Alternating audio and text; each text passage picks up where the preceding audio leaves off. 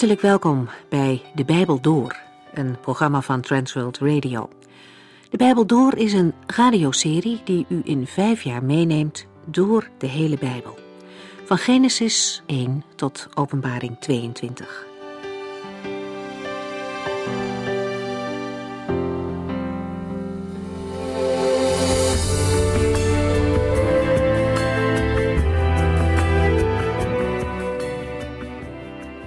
We vervolgen onze serie vandaag met hoofdstuk 7 en 8 van 1 Koningen. Om de draad weer op te pakken kijken we nog even terug. Als Salomo koning wordt, is er vrede in het land. Hij heeft geen last van buitenlandse vijanden of interne opstanden. Dan is er tijd om te gaan werken aan een tempel voor de Here. Het is duidelijk dat de Here niet een God is die te vangen is in een tempel. En toch heeft hij toegezegd dat hij zijn naam aan het heiligdom in Jeruzalem zou verbinden. De plannen voor de tempel zijn al door David gemaakt. Maar hij was niet degene die toestemming van de Heere kreeg om te gaan bouwen. Dat was de taak van Salomo. David gehoorzaamde dat woord van God. Hij heeft wel veel dingen voorbereid. De Heilige Geest maakte de bouwplannen aan David bekend en hij gaf ze weer door aan Salomo. Ook verzamelde David de materialen om mee te gaan bouwen. David had een goede vriendschapsrelatie met de koning van Tyrus. Onder Salomo blijft deze goede verhouding. Ze maken afspraken over de levering van hout uit de Libanon om te gebruiken voor de tempel. Salomo laat dat door duizenden mensen van zijn volk halen. Maar hij vraagt niet het uiterste van hen. De mannen gaan in groepen naar de Libanon ze zijn daar één maand mee bezig en vervolgens zijn ze weer twee maanden thuis. Ook al wacht er een groot werk, namelijk de bouw van de tempel, Salomo zorgt ervoor dat de mannen ook tijd thuis kunnen doorbrengen. Ze werken voor het huis van God, maar op zo'n manier dat ze het goed kunnen volhouden. In hoofdstuk 6 lezen we dan over de bouw van de tempel.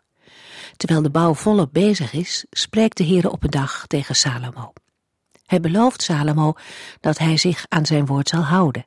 Hij zal in het midden van zijn volk komen wonen en hen niet verlaten als Salomo trouw blijft aan de voorschriften die God heeft gegeven. Een grote verantwoordelijkheid voor de mens, maar ook een grote zegen. We lezen vanaf 1 Koningen 7.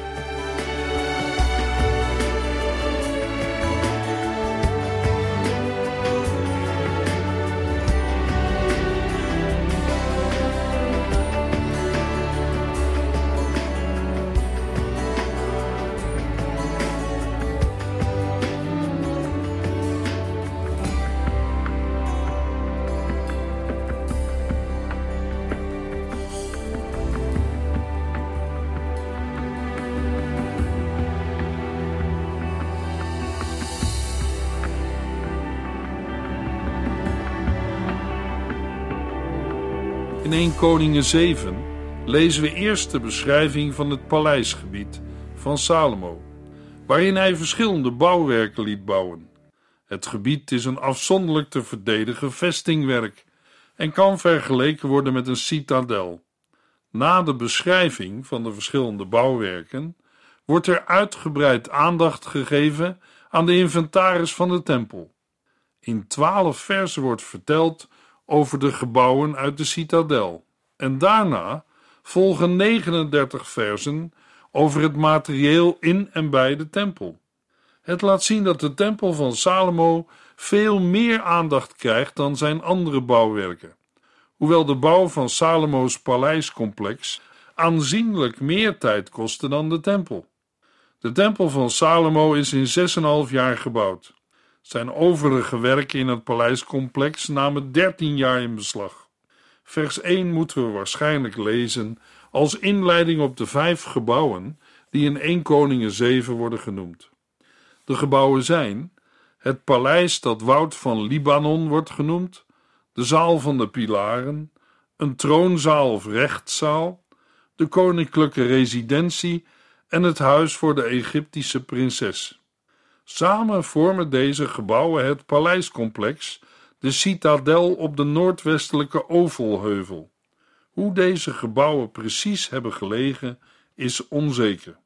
Op de Ovelheuvel was oorspronkelijk de oude Jebusietenburg gebouwd, die later de berg Sion werd.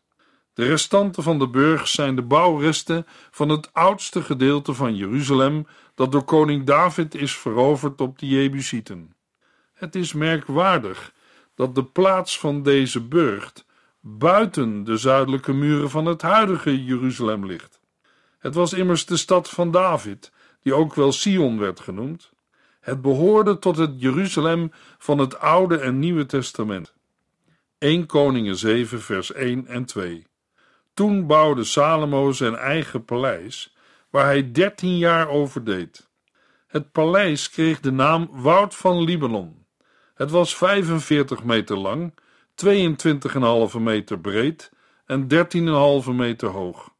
De grote cederhouten dakbalken rusten op vier rijen van cederhouten pilaren. Salomo's paleis zal een centrum zijn geweest voor landsbestuur, rechtspraak en militaire aangelegenheden, zoals paleizen in andere hoofdsteden dat ook waren. Het meest waarschijnlijk is dat Giram van Tyrus de aannemer is. Het is moeilijk om vanuit de Hebreeuwse grondtekst vat te krijgen op de beschrijving van het gebouw in de versen 2 tot en met 5. In de vertaling van het boek en ook in andere Nederlandse vertalingen moesten keuzes worden gemaakt omdat er veel onduidelijkheden in de tekst zijn. De volgende reconstructie is mogelijk. Er zijn vier parallelle rijen cederhouten pilaren. Daarop rusten de grote cederhouten dakbalken. De buitenste rijen vormen de basis voor de buitenmuren, zodat er binnen drie gangen zijn van ongeveer 7,5 meter tussen elke rij pilaren. Eén rij bestaat uit 15 pilaren. Dat wil zeggen, om de 3,5 meter staat er een pilaar. Er staan zoveel cederhouten pilaren dat de naam Woud van Libanon niet verwonderlijk is. Voor de verlichting zijn in de buitenste betimmering elke 2 à 3 meter aan weerszijden ramen gemaakt. De raamopeningen aan weerszijden zijn vlak tegenover elkaar aangebracht, wat een samenspel van lichtstralen tussen de cederhouten pilaren geeft. Na de beschrijving van het paleis Woud van Libanon wordt de rest van de citadel beschreven. Salomo laat ook een zaal van de pilaren bouwen, die even lang is als de breedte van zijn paleis. De zuilenhal heeft zelf ook een voorkant met zuilen waarop een balkon rust. Een ander bouwwerk is de troonzaal waar de koning recht spreekt. Deze rechtszaal is van de vloer tot het plafond betimmerd met cederhout. Meer achter in de hof, voorbij de troonzaal en gebouwd in dezelfde stijl, ligt Salomo's eigen residentie. Er zijn geen details bekend over Salomo's eigen huis. Ten slotte wordt vermeld dat Salomo een huis laat bouwen voor zijn Egyptische vrouw. 1 Koningen 7 vers 8 Aan de rechtszaal vast en vergelijkbaar in bouw lagen de persoonlijke vertrekken van Salomo. Hij ontwierp soortgelijke verblijven van dezelfde afmetingen in het paleis dat hij bouwde voor de dochter van de farao, met wie hij getrouwd was. De bouwstijl van Salomo's citadel met een rechtszaal voorzien van een zuilengalerij die toegang geeft tot de koninklijke residenties, is ook gevonden in de Hethitische citadel Gatussas in Turkije en in Hamad in Syrië. De architectuur van de citadel past dan ook goed in de context van de tijd van Salomo. In 1 Koningen 7 vers 9 tot en met 12 lezen we over de grote en kostbare stenen die bij de bouw zijn gebruikt. De stenen zijn zorgvuldig op maat afgewerkt. De stenen zijn overal gebruikt, zowel binnen als buiten, in het fundament en in de muren van alle gebouwen van de citadel. Het gaat om grote bouwstenen van wel drie tot vier meter lang. Met deze stenen worden muren opgetrokken met cederhouten balken erbovenop. De buitenmuren van de citadel zijn op dezelfde manier gebouwd als de muur van de binnenhof van de tempel en het toegangsportaal van het paleis. 1 Koningen 7 vers 13 en 14 Koning Salomo liet daarna een zekere Giram uit Tyrus komen. Deze had een Joodse moeder uit de stam van Naphtali en was zoon van een zeer voorname koperslager uit Tyrus. Zo kwam hij voor koning Salomo werken. Giram uit Tyrus komt uit een familie van koperbewerkers en is een vakman en kunstenaar van de eerste orde. Hij wordt dan net zo beschreven als Bezaleel, die voor de tabernakel werkte.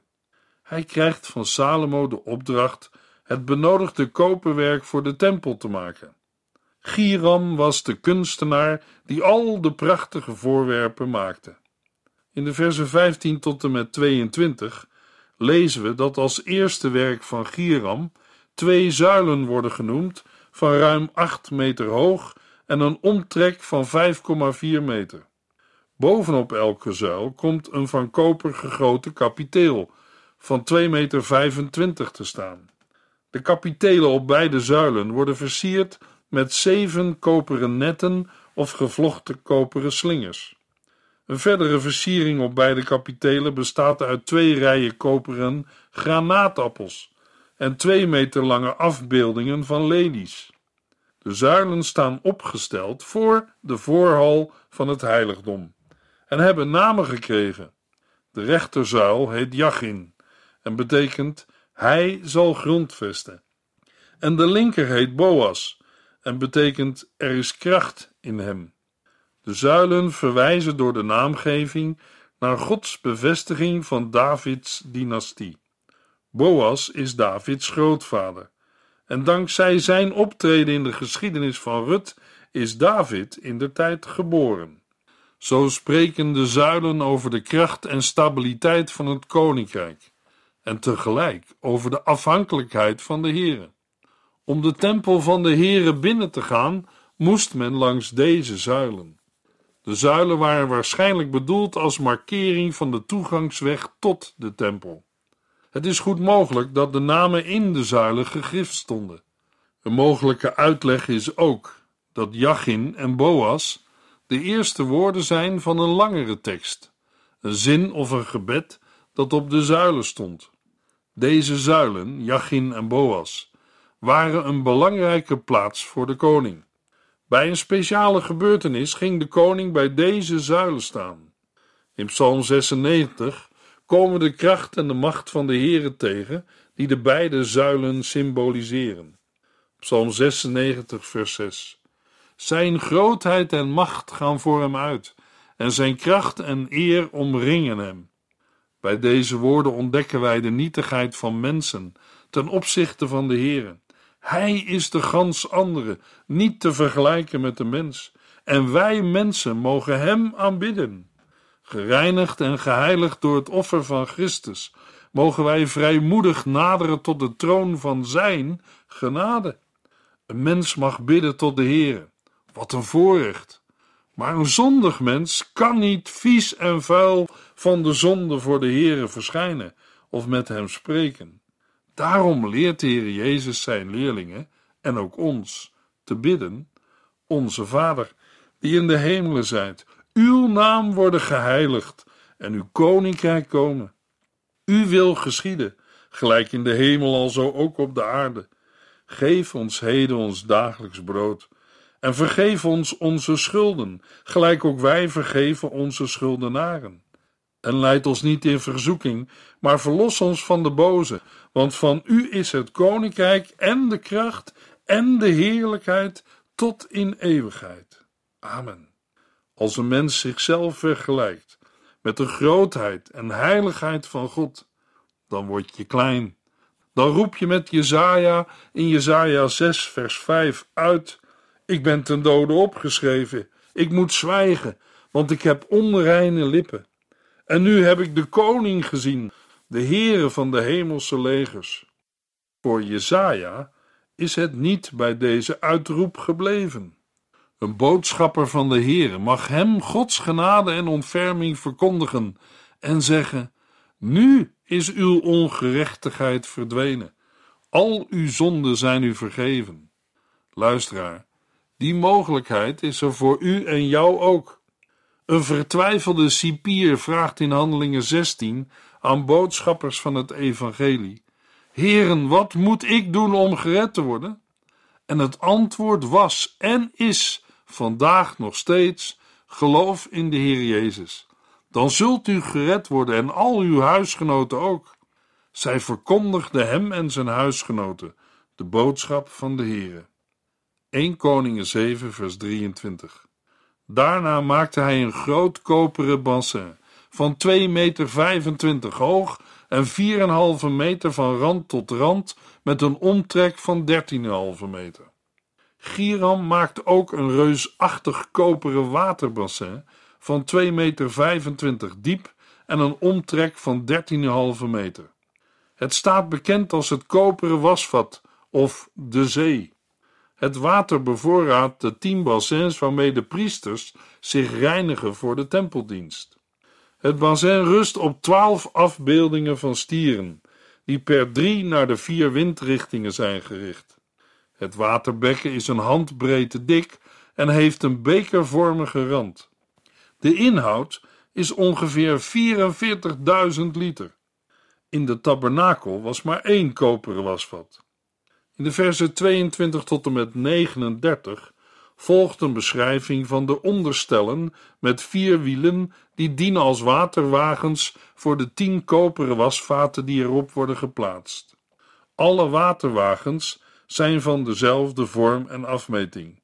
Op elke waterwagen komt een waterbekken met een doorsnede van 1,80 meter.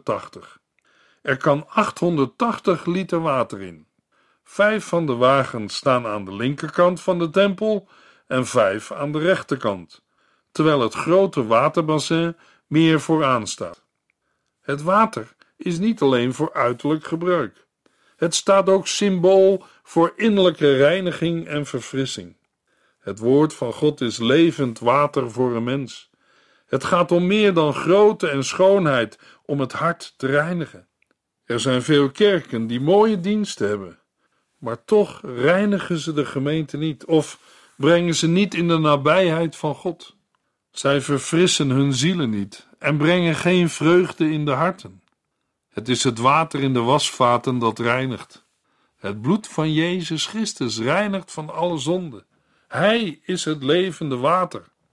1 Koningen 7 vers 40 Giram maakte ook de potten, scheppen en offerschalen en beëindigde zo het werk in de tempel van de Heere, dat koning Salomo hem had opgedragen. Ten slotte vervaardigt Giram gereedschap voor de offerdienst. In de versen 41 tot en met 46 wordt het koperwerk voor de tempel nog eens opgesomd. Het meeste offergereedschap moet nog bestaan uit de tijd van de tabernakel, maar wordt opnieuw gemaakt voor de tempel. Alles is van gepolijst koper. Het werd gegoten op de vlakte bij de Jordaan tussen Sukkot en Saratan. Het behoeft verder geen uitleg dat er een enorme hoeveelheid koper zal zijn gebruikt voor alles wat Giram heeft gemaakt. Daarom lezen we in vers 47: Het totale gewicht van al deze voorwerpen was niet bekend, omdat ze eenvoudig te zwaar waren om te kunnen wegen. Niet alles zal te zwaar zijn geweest om te wegen. We kunnen daarbij ook zeggen dat de hoeveelheid voorwerpen eenvoudig te veel was om ze allemaal te wegen. 1 Koningen 7, vers 48 en 49. Alle gebruiksvoorwerpen voor de tempel waren gemaakt van puur goud. Dat gold ook voor het altaar, de tafel waarop de toonbroden lagen, de armen van de kandelaren, waarvan er vijf links en vijf rechts voor het heilige der heiligen stonden, de bloemen, lampensnuiters, koppen, offerschalen, lepels, vuurpannen, wierookvaten, de scharnieren van de toegangsdeuren van het heilige der heiligen en de deuren van de hoofdingang van de tempel. Elk van deze voorwerpen was gemaakt van puur goud. Behalve al de koperen zaken werden er ook gouden voorwerpen gemaakt. Vier gouden voorwerpen worden genoemd. Ten eerste het reukofferaltaar. Het is ter sprake gekomen in 1 Koningen 6 en bestemd voor het reukwerk. Ten tweede de tafel voor de toonbroden. Het toonbrood is een offer aan de God van Israël, die steeds weer in voedsel voorziet. Wekelijks worden twaalf broden op deze tafel gelegd. In oude Oosterse culturen bestaat het idee dat men de godheid moet voeden door hem brood aan te bieden. Maar Yahweh, de God van Israël, heeft geen behoefte aan menselijk voedsel. Het is omgekeerd. Het brood wordt door de priesters gegeten. Priesters eten dan ook letterlijk van Gods tafel en zijn hem daarvoor dank verschuldigd. Ten derde zijn er tien kandelaars die voor het heiligdom staan. Deze zijn versierd met bloemen. Bij de kandelaars of lampenstandaards horen ook de ontsteeklampen en de tang. Al deze voorwerpen zijn van zuiver goud. Verder laat Salomo schalen, messen, sprengbekkens, schotels en vuurpannen van zuiver goud maken, en de voorzijde van de binnendeuren in de tempel. Behalve deze voorwerpen legt Salomo de tempelschat aan met voorwerpen die zijn vader David op de vijanden van Israël had buitgemaakt en had opgedragen aan de Heere. 1 Koningen 7 vers 51 Toen de tempel tenslotte klaar was, vulde Salomo de schatkamer van de tempel met zilver, goud en alle andere voorwerpen die zijn vader David daarvoor had bestemd. Met al deze voorwerpen is de tempel onlosmakelijk verbonden met de tabernakel in het boek Exodus. De uittocht uit Egypte en de tempelbouw worden chronologisch met elkaar verbonden. Ook bij de inwijding van de tempel spreekt Salomo over de verlossing uit Egypte. 1 Koningen 8 vers 1 Salomo riep alle leiders van Israël, de stamhoofden en familiehoofden, naar Jeruzalem, om er getuige van te zijn hoe de ark van het verbond van de Heere vanuit het heiligdom in Sion, de stad van David, naar de tempel werd overgebracht. 1 Koningen 8 is het langste hoofdstuk uit het Bijbelboek Koningen. Het hoofdstuk beschrijft de inwijding van de tempel. Het is het hoogtepunt waar naartoe is gewerkt in de drie hoofdstukken over de bouw van de tempel. 1 Koningen 8 is opgebouwd uit zeven delen en heeft zelf een spiegelende structuur met een zevenvoudig gebed in het midden. Het volk verzamelt zich, vers 1 en 2. In de versen 3 tot en met 13 volgen de offers en die komen weer terug in de versen 62 tot en met 64. In de versen 14 tot en met 21 zegent Salomo het volk en dat doet hij ook in de versen 54 tot en met 61. In de versen 22 tot en met 53 lezen we Salomo's gebed met zeven bijzondere situaties. Aan het eind van het hoofdstuk viert het volk feest en stuurt Salomo de mensen terug naar huis. Alle geledingen van het volk Israël zijn vertegenwoordigd om de tempel in te wijden. Het begint met het overbrengen van de ark uit de tent waar David hem had neergezet en de tabernakel uit Gibeon naar de tempel. Deze grootse gebeurtenis vindt vermoedelijk plaats in het twaalfde regeringsjaar van Salomo, in de zevende maand, de maand van het Loofhuttenfeest. In aanwezigheid van alle leiders nemen de priesters en de levieten de ark op met de tabernakel en de bijbehorende voorwerpen. De optocht naar de tempel gaat gepaard met talloze offermomenten, waarna de ark uiteindelijk in het Allerheiligste wordt geplaatst. De plaatsing van de ark in het heiligdom is het laatste wat we vernemen over dit heilige voorwerp in de geschiedenis van Israël tot de plundering door de Babyloniërs. 1 Koningen 8 vers 10 en 11 Terwijl de priesters terugkeerden uit het binnenste heiligdom, vulde een heldere wolk de tempel. En daardoor konden de priesters niet meer de tempel in om er hun diensten te verrichten. De heerlijkheid en glorie van de Heere vulde het hele gebouw. De Heere daalt neer in een wolk die de tempel vervult. Deze ervaring is zo krachtig dat de priesters hun dienst niet meer kunnen vervullen. De aanwezigheid van de Heer is verborgen in een dikke wolk, zoals bij de Sinaï. Salomo herinnert eraan dat de Heer eerder verkoos om te verschijnen in een wolk. Nu de tempel voltooid is en de ark van het verbond erin staat, kan Salomo de Heer een koninklijk huis aanbieden. 1 Koningen 8 vers 17 tot en met 20 Hij, mijn vader David, had altijd al de wens een tempel te bouwen voor de Heere, de God van Israël.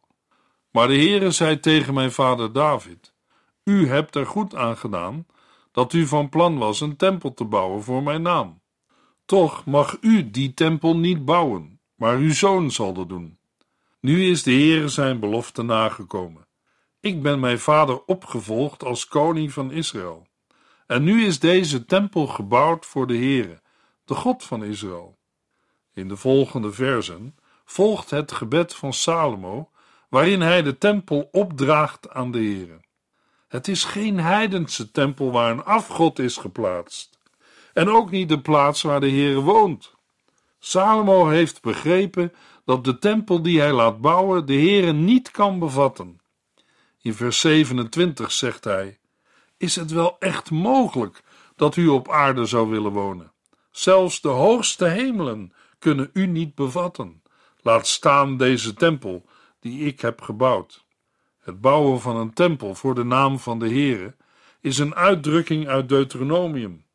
De naam vertegenwoordigt de naamdrager en zijn gezagsorde. De tempel met de ark van het verbond is het centrum van Gods bezit en gezag. En daarom ook het oriëntatiepunt van gebed. Niet alleen in Jeruzalem, maar in heel Israël en overal ter wereld. Daniel bidt in Daniel 6, vers 11 in de richting van Jeruzalem. Immers, daar heeft de Heere verkozen zijn naam te doen wonen. Geen menselijk handelen heeft de Heere bewogen tot de eerste keuze om met Israël een verbond te sluiten en zijn naam te midden van hen te doen wonen. Dat was enkel zijn verkiezende liefde. Zijn beloften zijn betrouwbaar. Wat de Heer aan David heeft beloofd, komt hij in 1 Koningen 8 na. De tempel is voltooid door Davids zoon. 1 Koningen 8 vers 43. Luister dan naar hen vanuit de hemel en geef antwoord op hun gebeden. Alle volken van de aarde zullen uw naam kennen en ontzag voor u hebben, net als uw volk Israël. En de hele wereld zal weten dat u in deze tempel in ons midden bent. In de volgende uitzending lezen we verder in 1 Koningen 8.